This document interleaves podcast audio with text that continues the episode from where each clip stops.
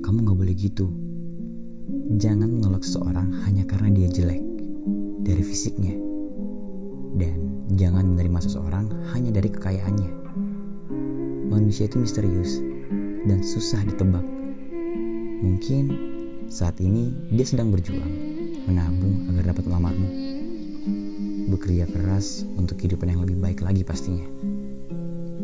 Bukankah seseorang sambil mendiam beruang.